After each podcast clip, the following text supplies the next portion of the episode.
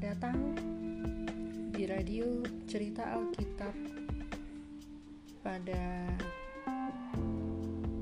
siang hari ini.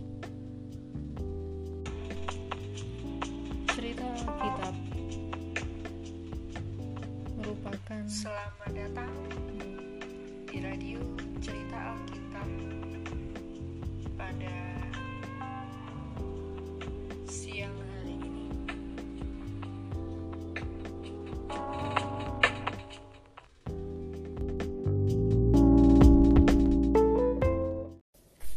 1 Samuel 17 ayat 1 sampai 11. Orang Filistin mengumpulkan tentaranya untuk berperang. Mereka berkumpul di Soko yang di tanah Yehuda dan berkemah antara Soko dan Azeka di Efes Damim. Saul dan orang-orang Israel juga berkumpul dan berkemah di lembah Tarbantin. Mereka mengatur barisan perangnya berhadapan dengan orang Filistin. Orang Filistin berdiri di bukit sebelah sini, dan orang Israel berdiri di bukit sebelah sana, dan lembah ada di antara mereka. Lalu tampillah keluar seorang pendekar dari tentara orang Filistin.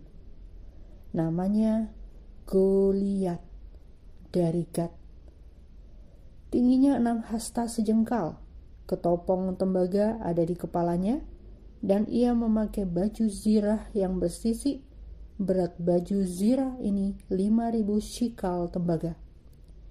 Dia memakai penutup kaki dari tembaga dan di bahunya ia memanggul lembing tembaga. Gagang tombaknya seperti pesa tukang tenun dan mata tombaknya itu 600 shikal besi beratnya. Dan seorang pembawa perisai berjalan di depannya. Ia berdiri dan berseru kepada barisan Israel. Katanya kepada mereka, Mengapa kamu keluar untuk mengatur barisan perangmu? Bukankah aku seorang Filistin dan kamu adalah hamba Saul? Pilihlah bagimu seorang, dan biarlah ia turun mendapatkan daku. Jika ia dapat berperang melawan aku dan mengalahkan aku, maka kami akan menjadi hambamu. Tetapi jika aku dapat mengungguli dia dan mengalahkannya, maka kamu akan menjadi hamba kami dan takluk kepada kami. Pula kata orang Filistin itu, Aku menantang hari ini barisan Israel. Berikanlah kepadaku seorang, supaya kami berperang seorang lawan seorang. Ketika Saul dan segenap orang Israel mendengar perkataan orang Filistin itu, maka cemaslah hati mereka dan sangat ketakutan. Tinggi Goliat itu 3,2 meter. Orang Indonesia biasanya 1,8 meter saja. Ya, ada yang lebih sih, tapi biasanya 1,8 meter. Wow, 3,2, 1,8 Kira-kira dua kalinya ya. Tinggi sekali bukan? Dan kalau baju sirahnya beratnya 57 kilo.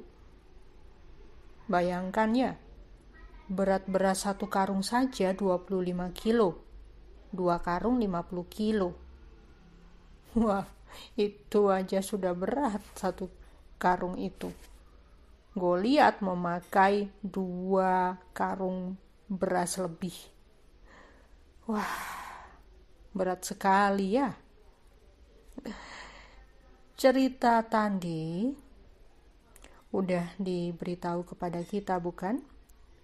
Goliat menantang salah satu orang Israel yang berani melawan dia. Goliat merasa dia itu tinggi, besar, kuat, dan senjatanya lengkap. Jadi, tidak mungkin ada yang bisa mengalahkannya. Dan orang Israel pasti juga takut. Coba lihat ayat 11. Dikatakan di sana, Raja Saul cemas dan takut. Ya, siapa yang tidak cemas dan takut kalau ditantang pendekar Filistin? Kadang-kadang kita itu seperti Goliat. Sok tinggi, sok besar, sok kuat, sok pintar, sok segalanya. Coba diingat-ingat. Adik kita nangis karena kita godain dia. Dia masih pendek dan mainannya sengaja kita taruh di atas lemari yang dia tidak bisa jangkau.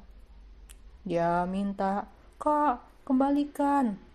Kak, kembalikan, tapi kita ketawa-ketawa. Nah, nah, nah, nah, ambil sendiri, ayo kamu bisa. Seolah kita mengejeknya. Nangis sudah di kita, sedih sudah dia, dan kita tidak merasa bersalah, kita malah tertawa. Atau barang yang berat untuk adik kita angkat, kita sengaja bilang, "Eh, angkat ini dong. Ayo, bantu kakak. Yang ini ringan kok."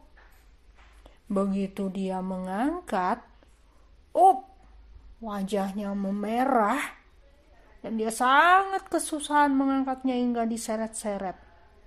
Apa yang kita lakukan? Kita lihat itu malah terpingkal-pingkal, ketawa-ketawa, lucu-lucu.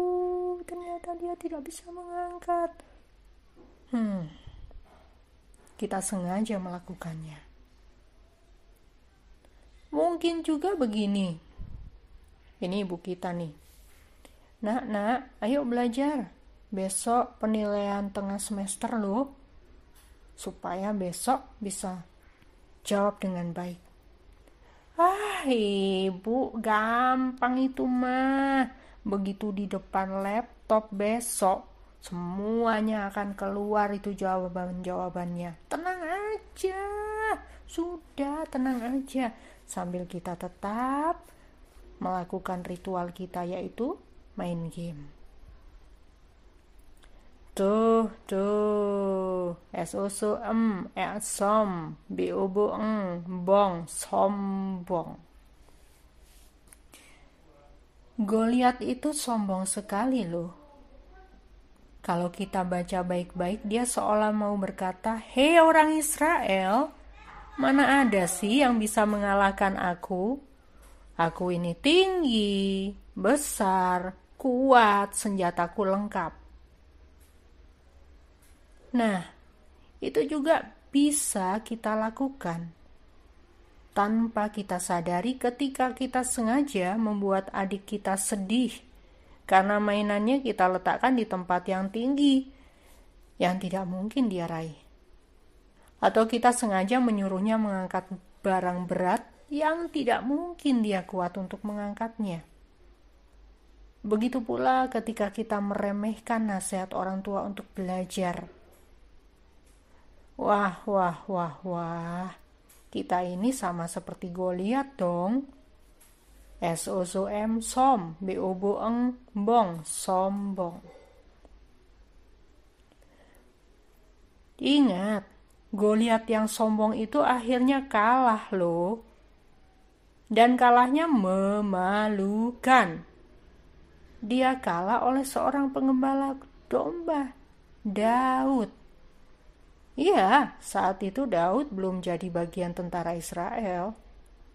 Wah, malu tuh orang Filistin.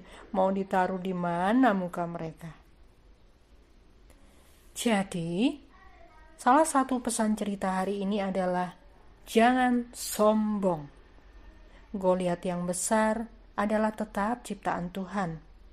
Tuhanlah yang besar dari segala-galanya Ketika dia sombong, eh, Tuhan membawa Daud yang kecil itu untuk mengalahkannya.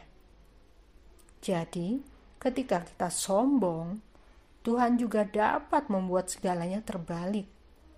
Nilai kita bisa jelek, perbuatan yang kita lakukan tidak baik itu bisa menimpa kembali kepada kita. Ayo, jangan sombong. tetaplah rendah hati. Tuhan Yesus memberkati kita semua. Bye.